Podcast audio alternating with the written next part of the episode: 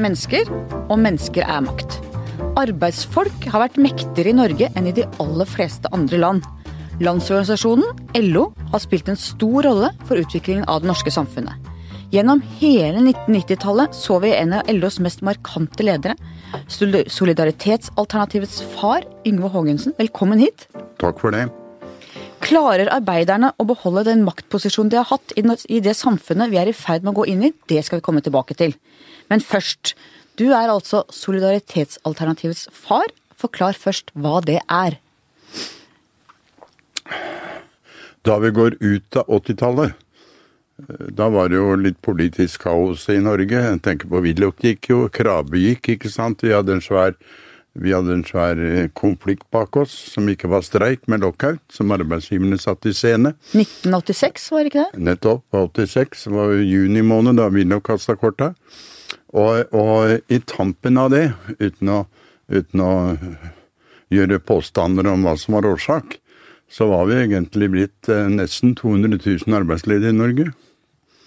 Vi hadde renter som lå på mellom 16 og 17% Prisene var på tosifra tall. Alle piler som skulle gå oppover, gikk nedover. Og, og Gro overtok som statsminister. Det er ikke som én side ved det. Men, men, uavhengig av det, så måtte vi i fagbevegelsen sette oss ned og spørre hva nå? Og, og jeg var ikke blitt LO-leder ennå, men det var åpenbart at mange ville jeg skulle bli det, tror jeg. Og, og, så jeg kom inn i de rette organene for å diskutere ståa. Og vi hadde mange samtaler i LO-ledelsen før vi begynte å påvirke arbeidsgiverne til en samtale med dem. Og da var det jo sånn at uh, historien om arbeidsgiveren lockouten, det førte jo til at NF kom veldig dårlig ut også overfor sine egne, og i mediasammenheng. De hadde behov for hjelp til å rette opp ryggen. Den sjansen benytta vi. Ja, For NAF-lederen gikk jo under året før, under ja, lockouten. Vi, vi, vi, vi, sa til dem at dere, dere, skal være med på en del ting her som det ikke vanligvis vi gjør sammen, men vi har behov for det, og dere har behov for det. Vi har telefon hver dag fra ledelse i bedriftene i Norge som sier de skal melde seg ut hos dere, og spør hva jeg syns. Og det sier jeg nei til. Og da sier mine egne Sier du nei til det, Yngve? Det er klart. Vi skal ha en part å samarbeide med. Vi skal ha part å gjøre avtale med. Ble NAF borte, hvem skal vi samarbeide med da? Ja ja, ok. Og det, det, det, vi, fikk, vi hadde masse møter med NO før noe annet skjedde. Det var Egil Myklebust som var blitt overtatt der som administrerende direktør. Var det og, da det gikk fra å være NAF til å bli NHO? Ja.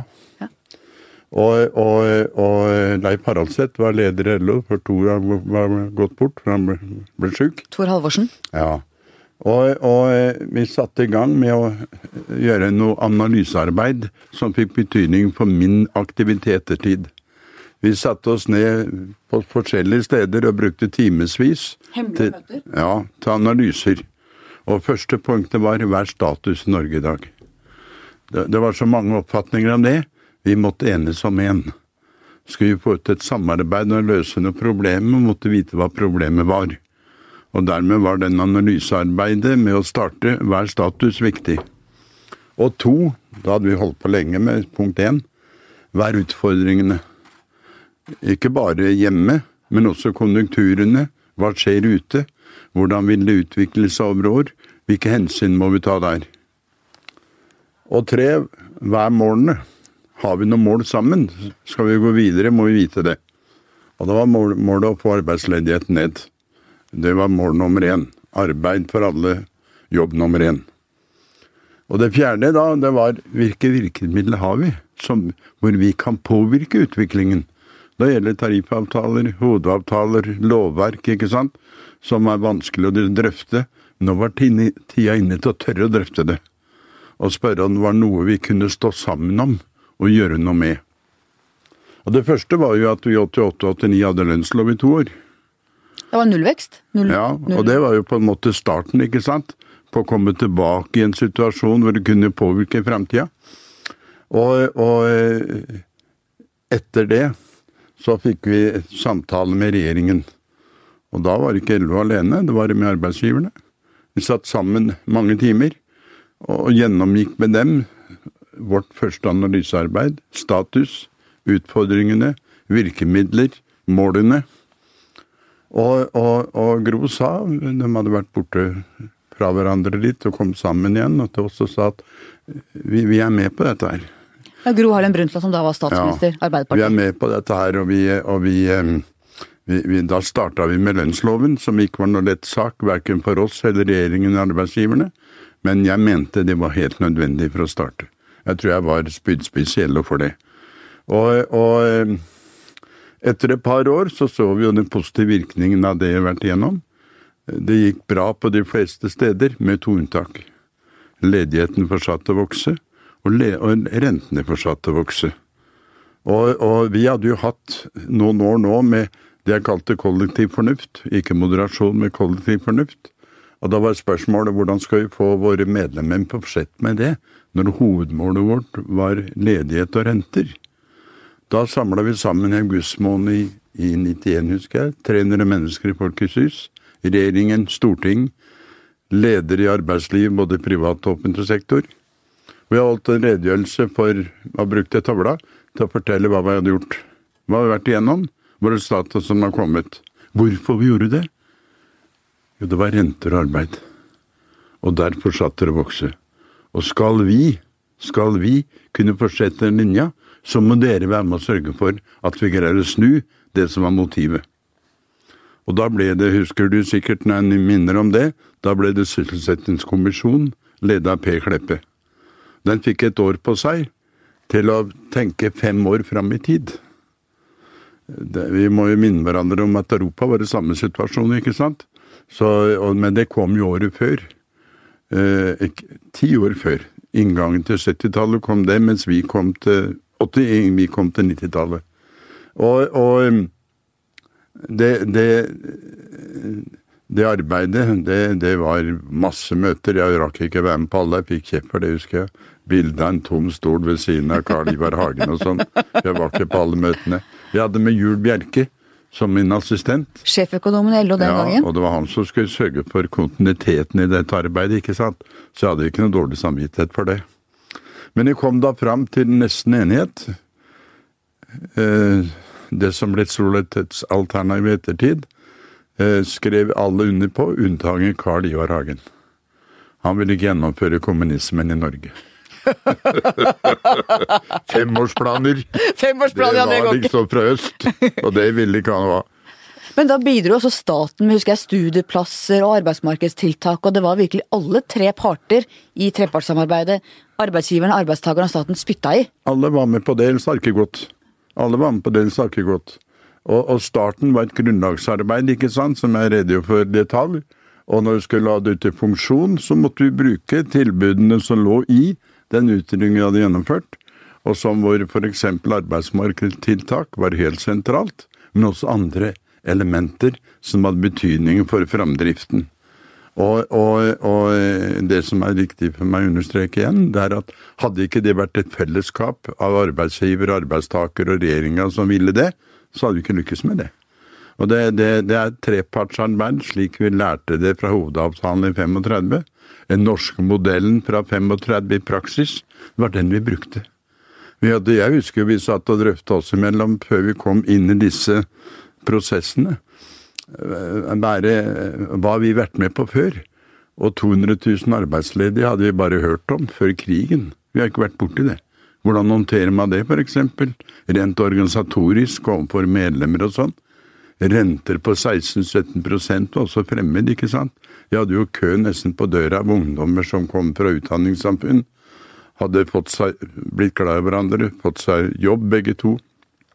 Fått seg lån og et sted en bolig. Og plutselig var ikke renta 5% lenger, men 17 og en av dem hadde fått sparken. Hva gjør vi nå, Yngve? Ikke sant? Jeg mener, men den type press betydde enormt mye når jeg redegjør for det i våre egne organer. Ingen sa nei til å være med på å gjøre noe for de unge. Og frykten var jo den gangen også du så England og andre steder hvor ledigheten hadde Riktig. bitt seg fast, hvor Ja. den gikk i arv. Det har gjort det i hele Europa, den lå jo på det gjør i dag. Ja. Nå har bitt seg fast. Fordi det går i generasjoner, Ja. og særlig hvis ungdom blir ledig. Det er også erfaring, Hvis de er for lenge ledige, så kommer de ikke inn i arbeidslivet igjen. Og da er både de og storsamfunnet i krise. Det er det. Det, er, det var Det var, det var det mest tøffeste, men også mest positive jeg var jobba med den perioden jeg var leder i LO. Er det det du er stoltest av i ettertid? Ja, det er det egentlig det. På at jeg fikk med alle på det. Og, og hadde ikke forbundslederne stilt opp, så hadde jeg ikke hatt en sjanse, ikke sant. Jeg måtte ha folk ute hver dag som fortalte positivt om det. Og, og slik at det ble positivt omtalt i mediene. Og at jeg registrerte resultater av det ga et løft hele veien. Jeg, jeg har ikke hatt så fint samspill i LO-miljøet noen gang. Jeg var der i ledelsen i 24 år, 12 som sekretær og 12 som leder. Jeg har ikke hatt så fint samspill noen gang som i den tre-fireårsperioden vi var igjennom, men som også den tøffeste som mange hadde hatt før oss. Men det er interessant, for du var jo veldig omstridt da du ble valgt. Jeg var faktisk på den kongressen i 1989 som studentpolitiker, ikke journalist den gangen. Eh, og det var vel første gangen det var en åpen prosess om valget til ny LO-leder, og det kokte jo. Og i ettertid har du bl.a. fortalt om hvordan daværende Ap-leder Gro Harlem Brundtland spredte rykter om at du hadde et alkoholproblem. Det ble sagt fra talerstolen at din motkandidat beholdt roen i stressede situasjoner, altså at du ikke gjorde det. Og så ble du valgt, mot establishment, mot makta. Fortell om den kampen. Nei, du har egentlig fortalt det meste, du. Du har det. Det er, det er, slik at starten på det Det, det, det var jo at uh, på kongressen i 89 så skulle både Tor Halvorsen og Leif Haraldseth som leder og nestleder gå av med pensjon. Så døde jo Tor to år før det, og Leif overtok med, og fikk Ole knapt med seg som nestleder i den neste toårsperioden. Og, og um, det, dette var jo som det skulle være, for å si det sånn. Det var ikke uenig dette her. Eh, men så begynte det å nærme seg, vi var kommet til 87. Så begynte jeg å registrere at det begynte å skje noe rundt omkring. Noen snakka sammen? Ja, og skrev noen lapper til hverandre med navner og sånn. Jeg fikk tak i den lappen og ble forbanna, jeg så ikke mitt navn på noen av dem. Bestemte meg for at det skal jeg gjøre noe med.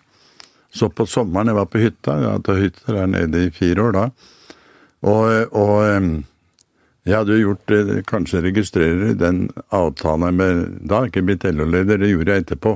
Avtalen om at jeg hadde journalisten hjemme hos meg på øl og akevitt og, og, god mat. Før jeg gikk i ferie, for å få fri i tre uker. Men dette var før det. Og så ringte hun i Dagbladet og skulle prate med meg. Og ville komme ned og intervju. Og det sa jeg pleier ikke å ha det i ferien, sa jeg. Jeg pleier ikke å ha det. Så, så eh, der er jeg ikke Jeg kan snakke med Astrid Unge om det. Og dem sa ja, vi gjør det, pappa. Og, og da tenkte vi to år fram i tid. Og, og, jeg sa ja til dem kom, og de var hos meg en hel dag og tok bilder og herja og prata fælt og sånn. Og den lørdagen vi var ferdig med ferien og skulle begynne på jobben mandag, var førstesida i Dagbladet bilde av meg, og da var det 'blir jeg spurt', svarer jeg ja.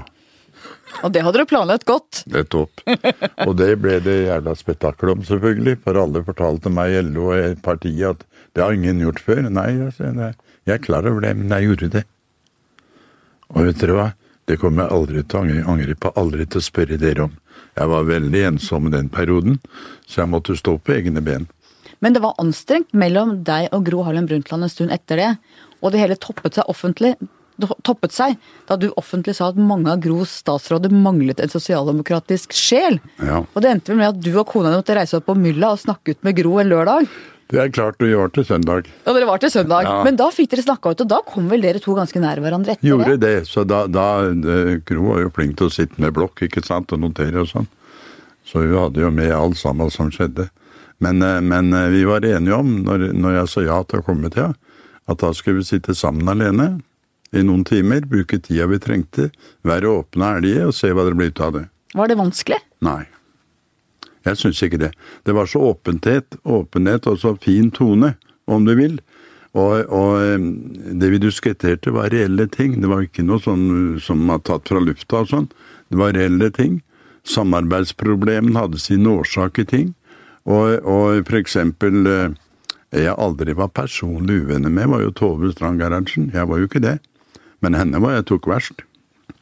Ja, det husker jeg. Det var ganske men, heftig. Men jeg var aldri, og aldri og Tove gir en klem når vi treffer hverandre nå. Vi har aldri hatt noe vondt ord sånn med hverandre. jeg, jeg, har sagt det går an å være uenig uten å være uvenner. Og det har jeg hatt i forhold til Tove, f.eks. Det er en viktig kvalitet i politikken å kunne det? Ja, jeg tror det. Og det, det Sist i går jeg var sammen med disse veteranene i Arbeiderpartiet borte i Stortinget, så understreket jeg igjen dette forskjellen på å være uenige uvenner. Og jeg fortalte om landsmøter i partiet før, hvor uenighet var uvennskap. Men forskjellen på dette landsmøtet vi hadde nå og tidligere, var enorm. Der var de uenige uten å være uvenner i det hele tatt det skapte et, en ånd i det landsmøtet som jeg ikke har vært borti før. Det fortelles jo historier om hvordan du og Gro barka sammen i det som heter samarbeidskomiteen, som er de faste møtene mellom Aps og LOs ledelse. Mye blir avgjort på disse møtene. Den er lovprist av mange i samarbeidskomiteen og kritisert av mange andre. Hva er den heftigste konflikten du husker mellom Gro og deg fra den tida?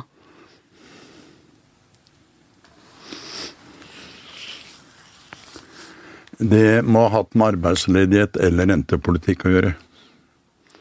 Eh, jeg husker ikke For hele den perioden så, så, var det jo sånn at det var tøft mellom oss.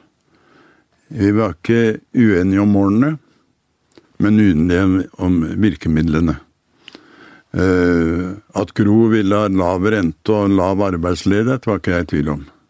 Og regjeringen hennes ville sikkert det samme, det var jeg ikke i tvil om. Men jeg, jeg syns de var altfor tålmodige. Vi var altfor utålmodige. Gunnar Berge hadde en dragkamp med i den samme perioden. Som Han var jo da finansminister? Ja, hva som skjedde i Europa. Og jeg måtte minne Gunnar Berge om at det er ikke Europa han er finansminister, det er Norge. Hvordan han vurderer Europa, gir jeg blanke faen i. Det er hva du gjør i Norge du skal måles på. Og sånn var tonen. Det var tøft, det var det. Men det var ikke uenighet om politikken. Men det var forskjell på tålmodighet og utålmodighet. Og, og jeg følte på en måte at ja, de hadde sin rolle, jeg hadde min. Ja, rolleforståelse. Riktig. Jeg skal representere 850 000 LO-organiserte som var utålmodige på det som skjedde. Og det var jeg opptatt av. Å gjøre på en skikkelig måte, og si fra på en skikkelig måte. De skulle representere landet. Det var regjering på hele landet. Så jeg, jeg, når vi liksom kom opp til Gro på hytta og begynte å sortere om roller, så greide vi å legge grunnlaget for et samarbeid som ettertid blir rimelig bra, syns jeg. Var ikke noe forskjell ettertid på Gro og andre som kom, verken Torbjørn Gjels eller Bondevik eller noen andre. Det, det, det, det, var startfasen, og startfasen hadde da den vanskeligste tida vi har hatt i Norge i etterkrigstid, når vi kom til 90-tallet. Vi hadde ikke hatt sånn arbeidsledighet, ikke sånn renter, ikke så mange problemer. Og det var klart at når det kom nye folk inn, som jeg var, utålmodig som bare pokker, så, så, så, ble det litt skjær i sjøen. Men jeg var overbevist om at jeg hadde min rolle, og, det, og jeg kunne ikke gå på akkord med den. Frykter du for det inntektspolitiske samarbeidet? Ja, jeg frykter for det. Der, der, der, jeg frykter for det. Samtidig så er det inngrodd så mye fagbevegelsens historie fra starten av om betydningen av samspill, betydningen av arbeid for alle, betydningen av å kunne styre utvikling om arbeid for alle. Det kan du gjennom inntektspolitisk samarbeid. Det er, det, er, det, er, slik at når du truer regjeringen med konflikt, så må man tenke seg om to ganger. Og, og, og, men det må de tørre. Det må de tørre. Det er slik at, det er slik at en del av redskapene vi har, som har fungert i de tidene jeg har fortalt om, som vi har vært igjennom, dem er ødelagt. De er satt til side i forhold til styringsrett. Da må du se hvilke muligheter har vi. Tariffoppgjørene er muligheter for å gå tilbake litt på noe av det. Det som har stått i loven ikke står der lenger, går an å få i tariffavtale. Det har vi gjort før, og det går an. Men du må tørre hele tida. Du du må vite hva, hvilket redskap du har, og hvorfor det er viktig. Og, og jeg vil ha tilbake de mulighetene som samspillet ga gjennom trepartssamarbeid. Denne regjeringen sier hele tida, både, både finansminister og statsministeren, vi er for, vi er for trepartssamarbeid. I praksis er det motsatt. De nedsetter utvalg til å se på arbeidstid, f.eks. Henter folk fra universitetene. Bruker ikke partssamarbeidet for å få det til. Gang på gang registrerer det. Jeg må si at Jeg hadde faen ikke godtatt det. Hva hadde du gjort? Hadde Ja, du det vet jeg ikke. Men jeg har ikke godtatt det. Jeg syns vi har gått Vi har slipp, Dem har sluppet altfor langt i forhold til å gjøre endringer på den samfunnsstrukturen som har ført Norge i posisjon de er. Eh, Det, det, eh, bevegelsen har vært i bevegelse, ja. Det har vært mange sterke reaksjoner. Men de holdningsendringene representerer, og som kan, ser ut som etter valget at en får folk med seg på, da er vi nødt til å være tøffere. Rett og slett være tøffere. Og, og, og jeg, jeg tror vi har en ledelse i LO i dag som, som ikke har problemer med det, hvis de føler av medlemmene med seg. Hvis de føler at det bildet de tegner av framtida, hvor de savner en del av mekanismene som har muliggjort å nå der vi er i dag. Vi vil ha tilbake dem, så må vi kjøre et løp for å få til det. Og de bør kjøre hardere, tenker du? dagens Ja, rett og slett kjøre hardere løp, og det, og det, det, det når, når, når det ikke har skjedd nok, syns jeg, så er vi er ikke vant med sånne utfordringer. Vi er ikke vant med at regjeringer Vi har hatt regjeringer før som er borgerlige. De har jo ikke gått til sånne skritt som denne regjeringen gjør. Har jo ikke det. De har akseptert når fagbevegelsen har sagt nei, og sagt det skikkelig, så har de akseptert det. Og så har jeg fått samspill og løsninger. Fagbevegelsen har ikke overkjørt noen. Det vi har fått, er å komme i posisjon til samspill, og bruke samspillet til det som er viktig for våre medlemmer og viktig for samfunnet. Og Der, der, jeg, der syns denne regjeringa har sluppet altfor billig unna det ansvaret det ligger i å, å, å tegne et bilde av hva vil de egentlig. Det er ideologi den driver med på høyt plan, men de har ikke noen begrunnelse for det engang. Jeg tror ikke de har det ute hos arbeidsgiveren engang. Jeg tror endringer i arbeidsmiljøloven var noe han fant på i, i Civitar og faen het for noe, og, og Høyre og NHO og sånn. Ikke i samspill med det som er utøvende maktposisjoner i arbeidslivet og samfunnslivet. Det kommer den dagen de merker konsekvensen av det. Da tror jeg vi må være offensive. Veldig offensive. Og, og, og på en slik måte at vi får folk til å skjønne at det vi sier er rett. Det er alltid en kamp, tenker du. Det er det. En annen kamp, nå går vi tilbake i tid, til eh, landsmøtet i Arbeiderpartiet i 1992. I, 1992, Ja, ja, ja. da skjønner du hvor jeg vil. det jeg husker jeg godt. Ja, Da Gro Harlem Brundtland trakk seg som partileder, og det kom som et sjokk på landsmøtet. Jeg var der da hun talte, og alle bare falt sammen. Selv om alle jo visste hva hun hadde opplevd gjennom sønnen sitt selvmord. Du var leder i valgkomiteen og pekte på Torbjørn Jagland som ny Ap-leder. Jens Stoltenberg var den andre kandidaten. Dette er det mest dramatiske landsmøtet jeg har dekket noen gang. Vi satt til langt på natt, ringte rundt, snakka med folk, og utfallet var helt åpent. Det ble Jagland din kandidat. Var du noen gang i tvil? Jeg må nok innrømme at det ikke var det. Og det Det, det, det hadde sammenheng noen virkeligheter for meg. Eh, Det hadde sammenheng med at Jens var jo ung. Veldig ung. Han hadde vært, og var vel også, leder i Oslo Arbeiderparti. Der fungerte han ikke.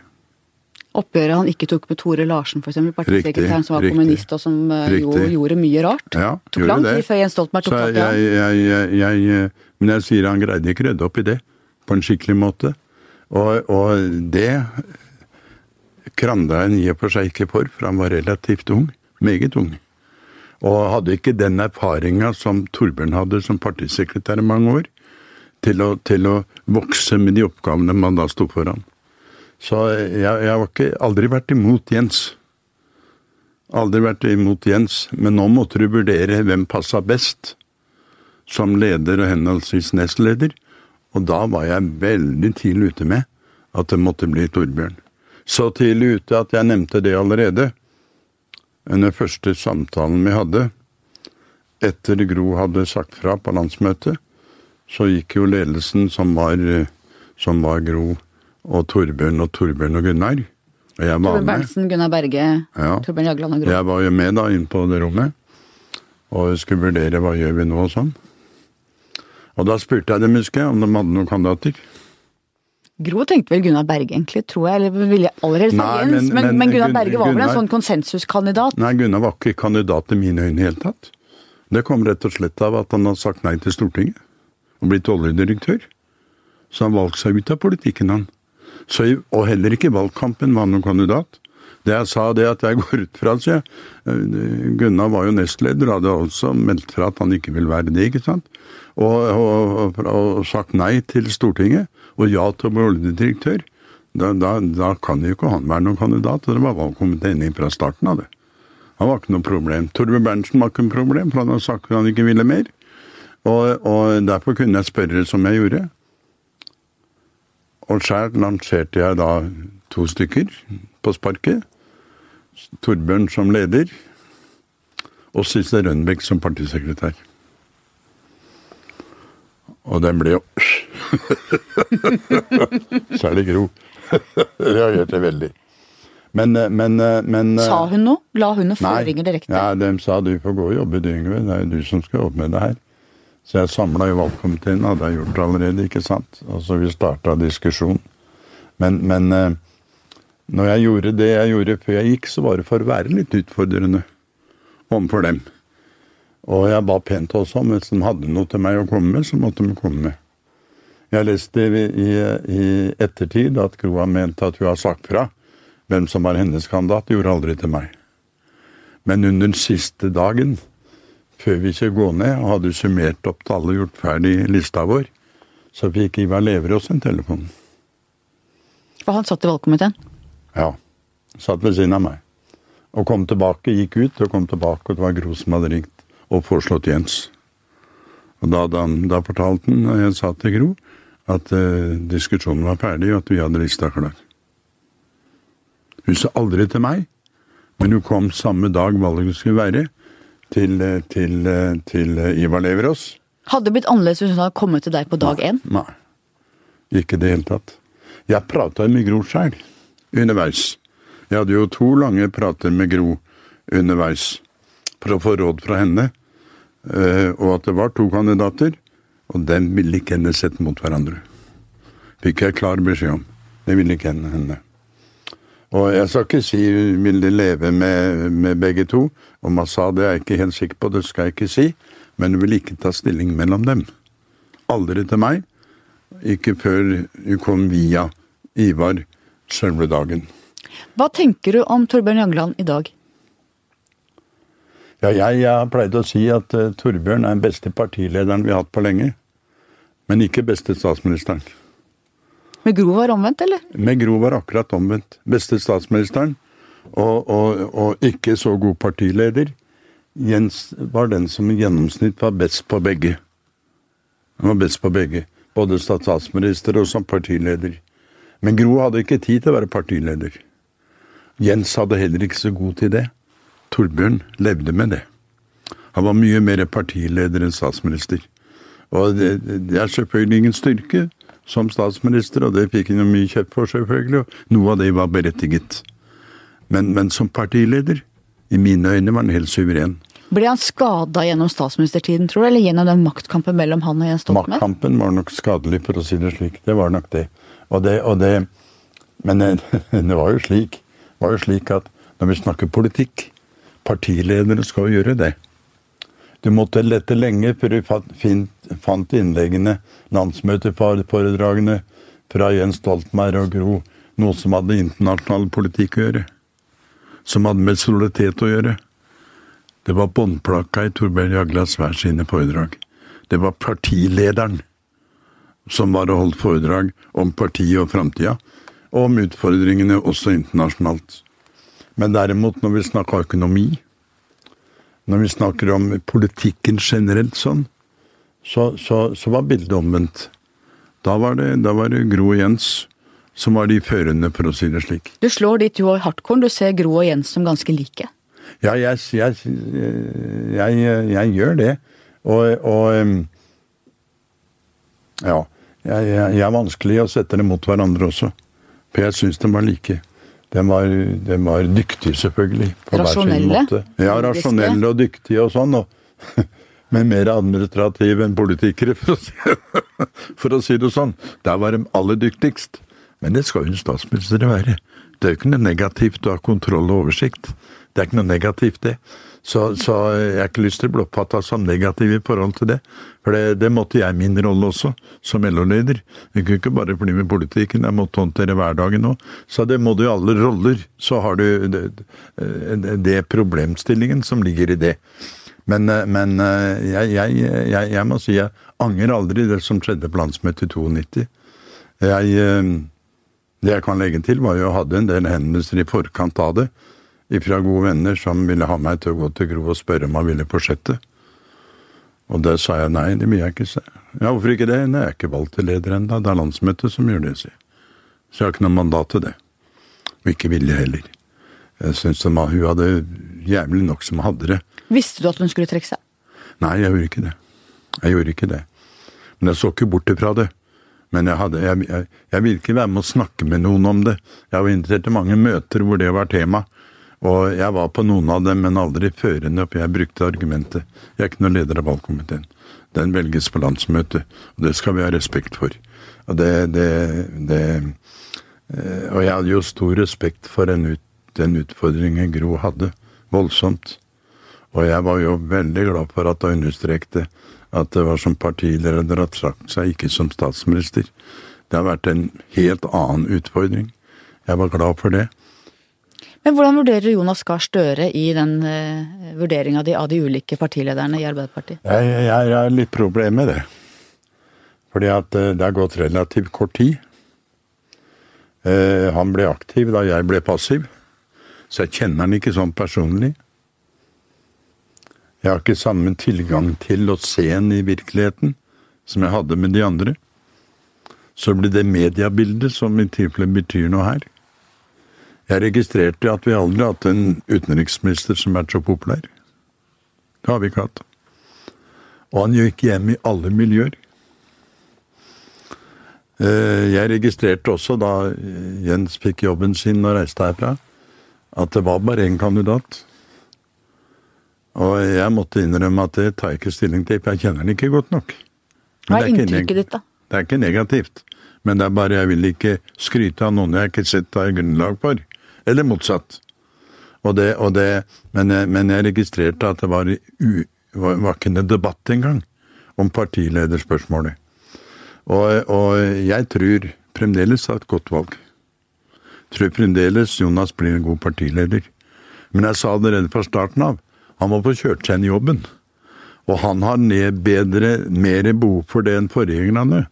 For han har liksom ikke noe partibakgrunn. Han har, han har utenriksminister, ja, men det, det er ikke noe partibakgrunn, det. Og han, han, har vært mange steder, som Røde Kors og forskjellige. Det er heller ikke partibakgrunn. Kan være litt organisatorisk erfaring, men på et annet plan. Ikke i forhold til 50 000 medlemmer. Så det er på et annet plan. Så, så jeg, jeg, vil ikke jeg ville, Han skal ha en skikkelig sjanse. Og det mener jeg fremdeles. Jeg har holdt nå noen foredrag etter landsmøtet og og, og forteller om eh, hvordan jeg føler. Jeg føler veldig at det er veldig mange som vet så mye mer nå enn det jeg gjorde, tydeligvis. Under valget, valgkampen, oppdaga jeg ikke noe i hele tatt. Jeg oppdaga den fine stemningen. Jeg tror jeg holdt 53 foredrag i 14 forskjellige fylker, så jeg var landet rundt. Og, og, og, og følte stemningen var positiv. Etter landsmøtet og kongressen var bare positivt. Folk ville være med. Folk skrøyt. uhemma jeg husker fra tidligere valgkamper så var det en 100% snuoperasjon som hadde skjedd. Det, det, var, det ble usikkerhet de siste par-tre ukene med meningsmålinger, men ikke redsel. De følte hele tiden, føler jeg, at dette ordner vi opp i, dette greier vi, og det var jo ikke slik at de blå-blå vant noe valg, dem heller. Grunnlaget for valget, det var gjennom programarbeid som skjedde i partiet og i fagbevegelsen. Ikke en eneste gang hørte jeg noe negativt om det. Jeg hørte bare positivt. De skulle gå ut og slåss for dette programmet.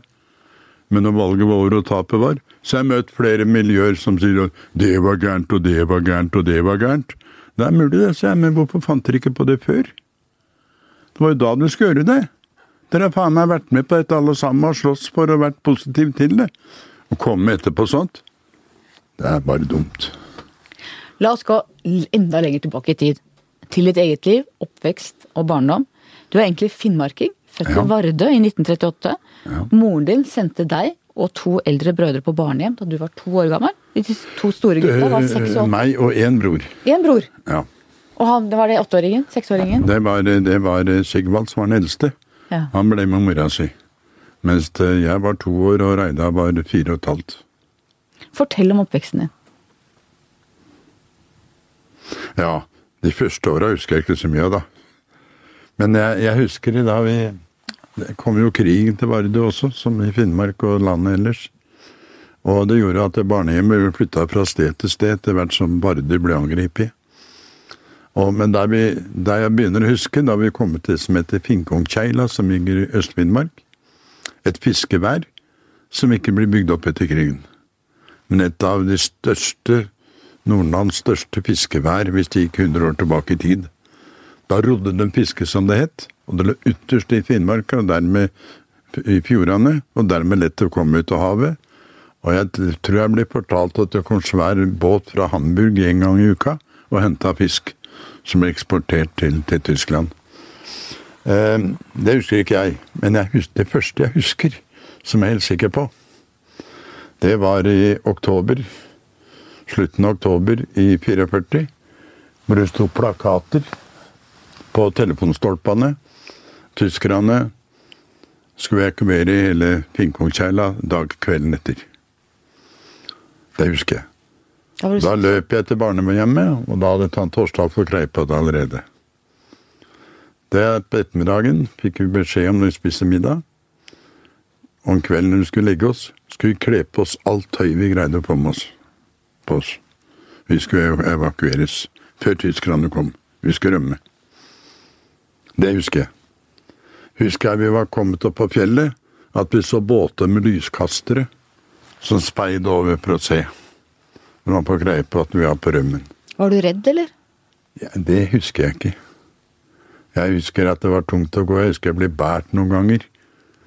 Og etterpå jeg ble LO-leder, så er det jævla mange som har båret meg, jeg har skjønt. Mange skal ha den æren det var. Ja, ja. Og, og, og, så husker jeg vi kom til, til, til Hva heter det igjen? Skjånes. Eh, da hadde det vært to døgn, tror jeg, i fjellet. Og, og da jeg kom til Skjånes, så lå tyskerne og venta på oss der. Det neste jeg husker ifra det, det var på natta, så banka det fælt på døra. Vi lå jo i noen svære saler. Og da var tyskerne på døra og skulle ha oss ned i prammen. Så han lå der og venta på oss. Og tante Årsdal nekta. Da gikk tyskerne og tok det minste av oss på armen og gikk. Og da var det liksom ikke noe for tante Årsdal å tenke på. Det var bare å følge etter. Det er episoder jeg husker. Men jeg har, jeg har litt problemer med å gå lenger enn det, fordi at jeg er redd for at jeg forteller det broren min har fortalt meg, og ikke jeg husker sjøl. Og da kan det være ille ute å kjøre noen ganger. Så jeg har vært litt forsiktig med å utdype ting veldig mye. Men jeg, jeg husker visse episoder. Jeg husker én gang jeg ble fortalt at de hadde brukt en hel kveld på å lete etter meg. Og, og fra barnehjemmet. Jeg var ikke kommet inn om kvelden for å spise og sånn, og de fant meg ikke noen steder. Til slutt, når kvelden var lang Det var jo fiskere der fremdeles. De hadde jo fiskebuer langs bryggekanten der. Og på et bord der sto jeg og sang. Meg. Det, det, husker jeg, så det blir ikke bare fortalt. Husker jeg noe av evakueringen, men ikke alt.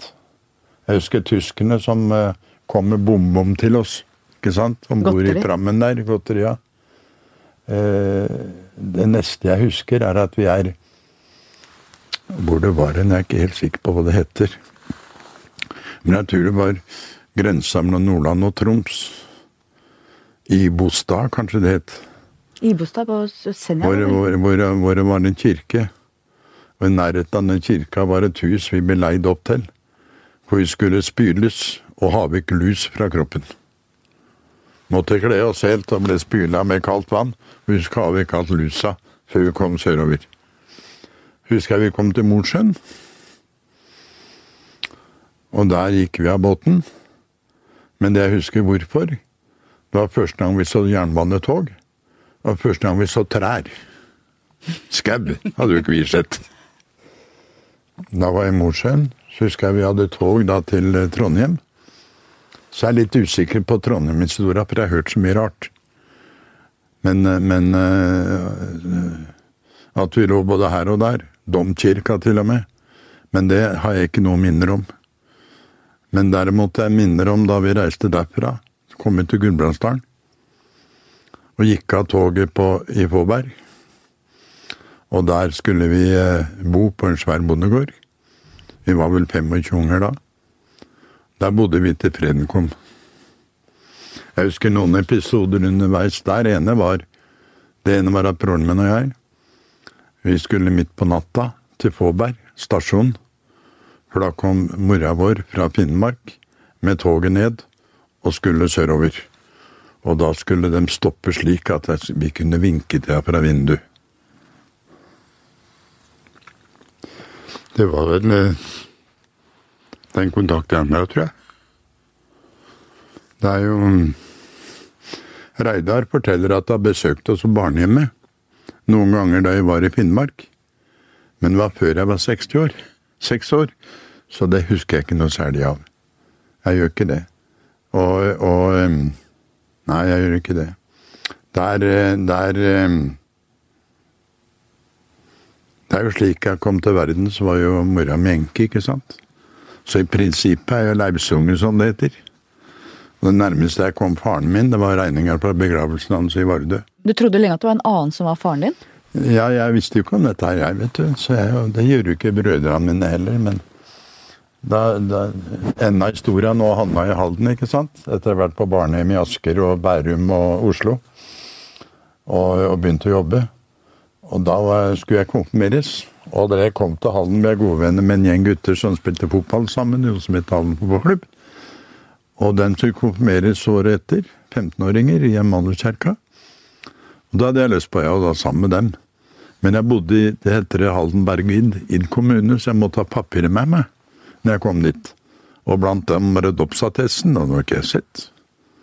Og jeg fikk den av mora mi, jeg leste på den en gang. Så kom jeg til han, han Trømborg, sognepresten. Og han bladde i papiret. Yngve Haagensen står det passe der. Men det, det står ikke i dåpsattesten. står det Yngve Helmer Johan Vinje Rasmussen. Hva kommer det av? Det, det var jeg ikke med på, nesten spørre mora om, sier jeg. og svaret hadde gi.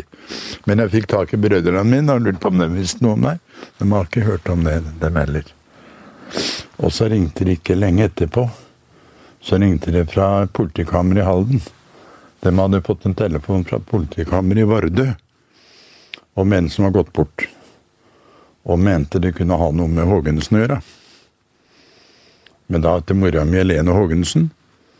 Og, og jeg sa jeg, jeg kjente han som ringte. Og da sier jeg skal Mora mi er i, hos søstera si i Nittedal, så jeg skal ringe til henne.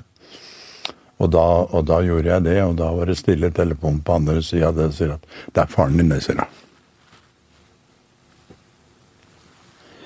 Neste jeg fikk da, det var regninga på brødøvelsen. Da måtte jeg ringe opp til Vardø kommune og spørre hva faen jeg skulle med den for. Jeg må innrømme at jeg aldri har sett den. Jeg har ikke sett bilde av den engang. Gikk jeg om sosialkontoret i Halden, jeg hadde en kamerat der som var sosialsjef, og han skjelte dem ut fullstendig. Da fikk jeg brev etterpå at de unnskyldte seg, for å si det sånn. Vi har jo ikke noe personlig forhold til det, så jeg, jeg kunne ikke bli gæren på det, noe sånt, men jeg, jeg syns det er dumt av Vardø kommune, da. Det innrømmer jeg. Og det har sagt jeg har vært der mange ganger etterpå. Og sagt det, og det har jeg med i, da, selvfølgelig. Men, eh, men eh, oppveksten vår jeg, Vi kom jo da til, til Fåberg og var der til juni måned, til freden kom. og hva er det? Og da havna vi i Asker. På hvile i Asker. Det ligger ved Leangbukta. En svær, flott eiendom som ligger i svingen når det svinger opp mot Slemmestad. Vettre skole gikk jeg på i første, andre og tredje klasse. Vi kalte den haven for Edens hage. Det var så flott der. Vi har ikke sett epler før heller, vet du. Og, og trivdes vet du, veldig godt der. Men så i 48 fant det kloke hoder ut at Varde barnehjem kunne ikke ligge i Asker hele tida.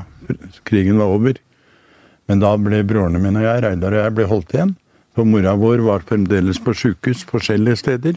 Vi ble sendt til Oslo, til et sted som heter Trygg 2, som lå på Enerhaugen. Da gikk jeg på Tøyen skole. Der var vi halvannet år. Vi ble ikke venner med dem som drev den, det stedet der. Det var ikke noe bra sted, eller? Nei, jeg, jeg husker ikke så mye av det. Er det K-tegna? det som er vanskelig, er å skyve liksom fra meg. Reidar ble jo utvist derfra, og da ble jeg det samme, da. Men han ble sendt til et trygghjem ute i, ute i gamlebyen, og jeg ble sendt til Bærum, til, til Bøyen gård og guttehjem. Eh, det, det, var slik at jeg fikk greie på det samme dagen. Jeg fikk en koffert de sa var min og tøyet mitt. Fikk jeg to kroner, tror jeg. Skulle jeg gå ned på Kontraskjæret og ta en gul buss det sto eh, Hønefoss på. Ta bussen til Vøyenenga. Hvor gammel var du da? Elleve. Og så skulle jeg ta bussen til Vøyenenga. Når jeg gikk av bussen der, skulle jeg bare gå rett til høyre og opp eh, to-tre kilometer opp noen bakker. Og da kom det et skilt det sto Vøyen gård på. Og der visste de jeg kom. Da var resten at jeg var, gikk ut folkehøgskolen, gikk på skuespole. Var det et bra sted å bo, eller? Veldig bra. Jeg likte meg godt der. Det var 70 gutter der, jeg var blant de yngste. Og, og lærte idretten å kjenne. Mode Ode Sandvika spilte jeg poppa på småutlaget, eller Lilleputt etter veldig gangen. Hoppa i, i jeg husker ikke den bakken, Myrabakken og, og var aktiv. Veldig aktiv i idrettsmiljøet, for å si det slik. Som var en del av det Vøyen guttehjem. Tenker så, du på det som hjemme? Var det på en måte Ja, det var jo det. Jeg, jeg har vært der noen ganger etterpå holdt foredrag, vet du. For det er blitt et historisk sted, det, da. Og historieløget Bærum har henta meg et par ganger til å holde foredrag der. En som snakker om Vøyen gård og guttehjem historisk, og en som snakker om å være barnehjemsgutt der. Fortell om moren din. Hva tenker du om henne nå, og hvordan, hvordan så du henne som barn? Nei, som barn, vet du, så, så som jeg sa, så hadde jeg, hadde jeg ikke særlig med å gjøre. da. Og, og, eh, men da jeg begynte å få kontakt med henne, så hadde vi rimelig kontakt. Jeg var jo besøkt av, ikke til jul, tror jeg, men jeg var til eh, sommeren og sånn. Hun bodde jo på forskjellige steder, men etablerte seg i Halden. Da, da, ble det, da ble det god kontakt. Da var det i Halden det ble det. Eh, da bodde jeg ute i Bærum, ja. Og, og, men hun har jo vært med tøft liv, mora mi. Eh, jeg fikk jo greie på da jeg var eh, voksen, hadde enda en bror, ikke sant. Eh, bodde på Ørje. Var født i Finnmark to år etter meg. Så jeg hadde jo fire gutter da, med tre forskjellige fedre, så jeg sprek dame. Og, og jeg må innrømme akkurat det jeg ikke tenkte så jævlig mye på. Ikke klandra for noe. At krigen kom, kunne ikke henne være noe skyldig. At jeg ble sjuk, jo kunne være skyldig. Så, så eh, da liksom spørsmålet var om forhold til mora mi, så etter hvert ålreit. Jeg er kanskje mer positiv enn mine eldre brødre, var jo eldre enn meg og fulgte mer med på den tida der. Men eh, ja, ikke mer på de siste åra. Det er jo 48 år siden jeg reiste fra Halden. Nå er det Mora mi døde da jeg var 60 år, ja. Og det er jo snart 20 år siden det. Og, og Reidar, den mellomste av oss, han har jo vært flink til å sammen med sin familie ta vare på endene der han bodde. Uh, handle for og alt mulig og sånt noe. Så, så, han hadde rimelig forhold til uh, Jeg hadde jo det på, på, min måte, for jeg var jo ikke så mye hjemme. Jeg var på partnerstøtte, ikke sant. Så unga mine fikk ikke så god kontakt med bestemora som vi hadde håpa skulle få, for det var jo min skyld, da, som ikke var der. Uh, så fikk jeg en bror til, da, og det er en lang historie, det òg, da, men det fikk jeg greie på da jeg var eh, det var et eh, par og 30 år siden. Broren min ringte og sa vi har fått greie på en unge, vi har en bror på Ørje. Ja, dukker opp flere for å bare ringe, sier jeg. Men jeg, jeg, jeg, ville aldri klandre mora mi. Og det gjorde jeg aldri. Aldri klandre henne. For livet henne førte, det, det, det var det jeg gjorde. Og øh, hun, som jeg har sagt, at vi kom på barnehjem, kunne jeg ikke skylde henne på for. Hun satt der med tre gutter og, og var enke, og krigen kom, og øh, dårlig med mat. Og, og så ble jeg dårlig ved siden av. Hun hadde jo all verdens sykdommer. Og var jo forskjellige institusjoner også, av dem som hadde med hun å gjøre, for å si det sånn. Men, eh, men når jeg ble frisk og rask igjen, da har jeg blitt, da jeg blitt eh, 14 år. Da flytta jeg til Halden. Da pakka jeg kofferten ut på guttehjemmet og reiste dit. Og flytta inn til henne, og der var jeg helt til eh, jeg fikk en ny gubbe. Og folk som skulle styre meg, at nok, altså, da flytta jeg på hybel. Men jeg hadde godt forhold til mora mi fremdeles. Det hadde jeg. Og det, det, jeg vil ikke si noe galt, mener jeg. Og Du har sagt at du gjennom oppveksten din ble både lærte å stå på egne bein, og lærte også at du var aleine. Ja. Og så har du også fortalt at det var først da du nærma deg 30 år at du slapp noen ordentlig inn i livet ditt. Da møtte du Astrid, som var det. kona di over 40 år. Og så mista du henne brått. Mm. Hjertet stanset i stolen hjemme. Det er seks år siden nå. Mm. Kan du si noe om sorg? Om å leve i sorgen, og om å forsones med sorgen?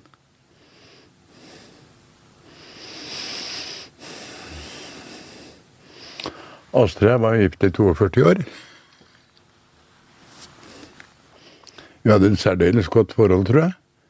Fikk to barn, barn sammen. Harry og Kari. Og, og eh, levde, levde trygt og godt i Ski. Jeg levde et liv, yrkesliv, som gjorde at jeg var avhengig av god støtte hjemme, og det fikk jeg hele veien. Og hun tok hånd om unga som ikke hadde sånn tid til som jeg burde hatt. Og øh, kanskje burde organisert bedre, men aldri noe kritikk på Astrid til det.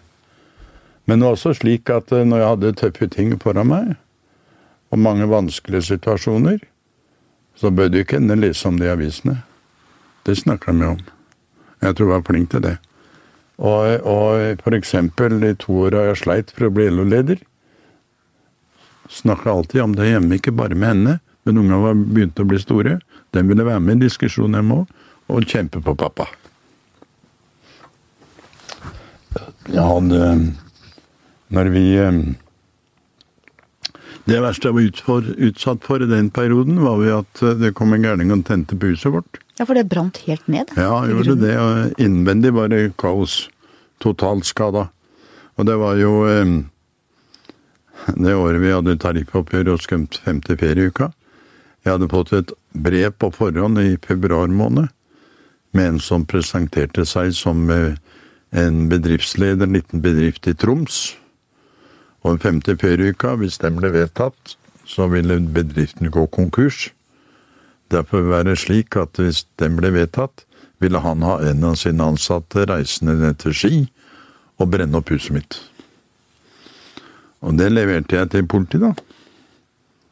Da hadde jeg levert det til politiet før om eh, et annet innhold, de skulle ta livet av meg. Og, og det var mer hissig på enn det andre. Det er nå så. Men iallfall så, så da jeg var i, i Afrika, så fikk jeg telefon om at huset sto i brann. Så jeg tok master og snudde og reiste hjem. Unni og Kjell Bjørndal har fått samme henvendelsen, så de, vi reiste sammen. Jeg husker jeg var på mellomlanda i Paris. Da møtte vi en VG-journalist jeg kjente veldig godt fra mange år tilbake. Og som hadde seg bilder av huset sto i brann og sånn. Det var masse kaos da vi kom hjem. Og midt i det hele så tapte jeg faen meg tariffavtalen og fikk streik, husker du kanskje? Samtidig, så jeg hadde nok å gjøre. Der eh, Men hele tida, tilbake til Astrid. Hun var en støttespiller for meg i alle sammenheng.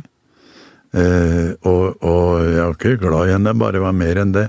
Fordi at eh, det var så avgjørende for meg. Jeg kom hjem sur og grinte og ikke var, noe, ikke var godt noe bra og sånn, så var hun der med handa rundt meg hele tida og roa meg ned. Veldig flink. Eh, Da vi eh, da gikk, gikk fra, så hadde jeg jo Vi hadde vært på tur med gamle garde i København. Sånn tonetters-tur. Vi hadde spist godt og var sammen med gode venner og dansa og på hjemturen Jeg hadde vært og spist frokost. Så kom så klaga Hadde fått noe problem. Og, og så Men vi kom nå ut av båten, da. Og satt da på en stein der mens jeg henta bilen, og så på veien bortover så sier jeg skal vi kjøre om Askim sjukehus? Å nei. Dette var i overgangen november-desember, og nå sjukehuset i jula skulle ikke hende. Så reiste hjem, da. Hjertet og pusten hadde hatt problemer før, så hadde en sånn maskin hjemme. Hun kunne sette på her. Og vi gjorde det med en vi kom hjem. I løpet av noen få timer så var alt i orden. Hun laga middag til ettermiddagen sjøl og ordna alt. Og da kvelden kom, så så jeg på TV, og da Kveldsnytt var, så pleide jeg å gå og legge meg. Men sende så på noen svenske filmer. Så våkna jeg ti over halv to, husker jeg, og hørte TV-en sto på. Da antok jeg hadde sovna den TV-en, og da, gjort. Da fikk jeg vekk. Og vi gikk og la oss igjen, og sammen. Så våkna jeg klokka seks igjen, for jeg ut og slå. Og da var jeg ikke der. Dent også ikke fikk sove og gikk og satte seg i godstolen isteden. Og jeg titta henne, og der satt hun, ja. Men jeg snudde meg. Hun så på med åpen munn.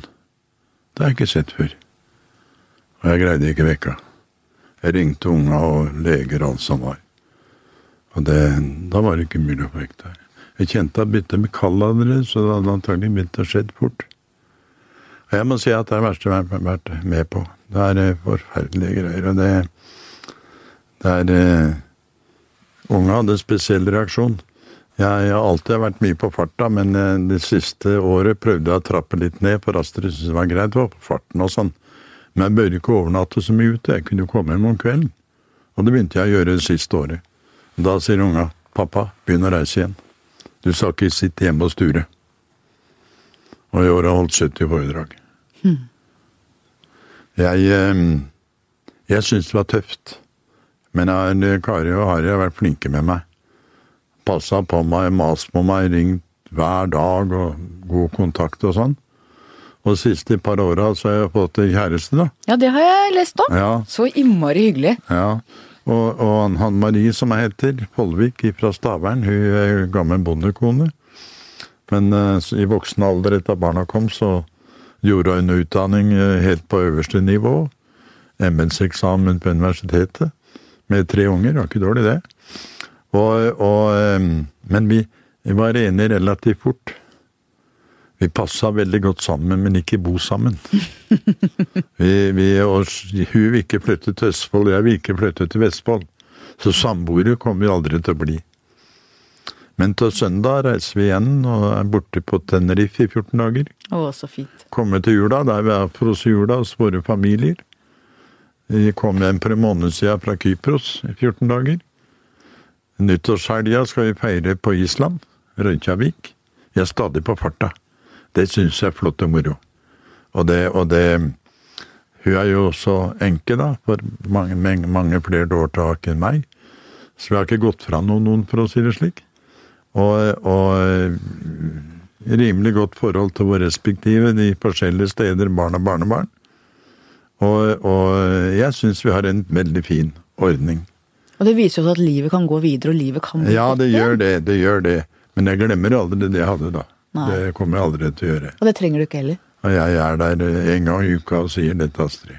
Å, Kommer aldri til å glemme det. det er fint, da. Hvor lenge har vi holdt på nå? Ja, nå nærmer vi oss vel slutten? Er det kvart på fem? Å ja, fader, det er den, vet du. Hæ? Den er kvart på fem. Jeg skal være et sted klokka fem, jeg. Får jeg bare stille avslutningsspørsmålet mitt, da, så går vi? Ja. Hva skal bli historien om deg? Yngve Haagensen, det var han som ja, jeg håper det blir han som eh, aldri ga opp kampen for arbeid for alle. Aldri eh, Alltid benytta samarbeidets muligheter overfor politikere og, og arbeidsgivere til å slåss for et samfunn med arbeid for alle. Hvor arbeid for alle er jobb nummer én. Det er godt ettermæle. Ok? Tusen takk. Takk til deg som hørte på. Takk til researcher Grete Ruud og vår faste produsent Magne Antonsen. Vi høres om en uke, eller kanskje to.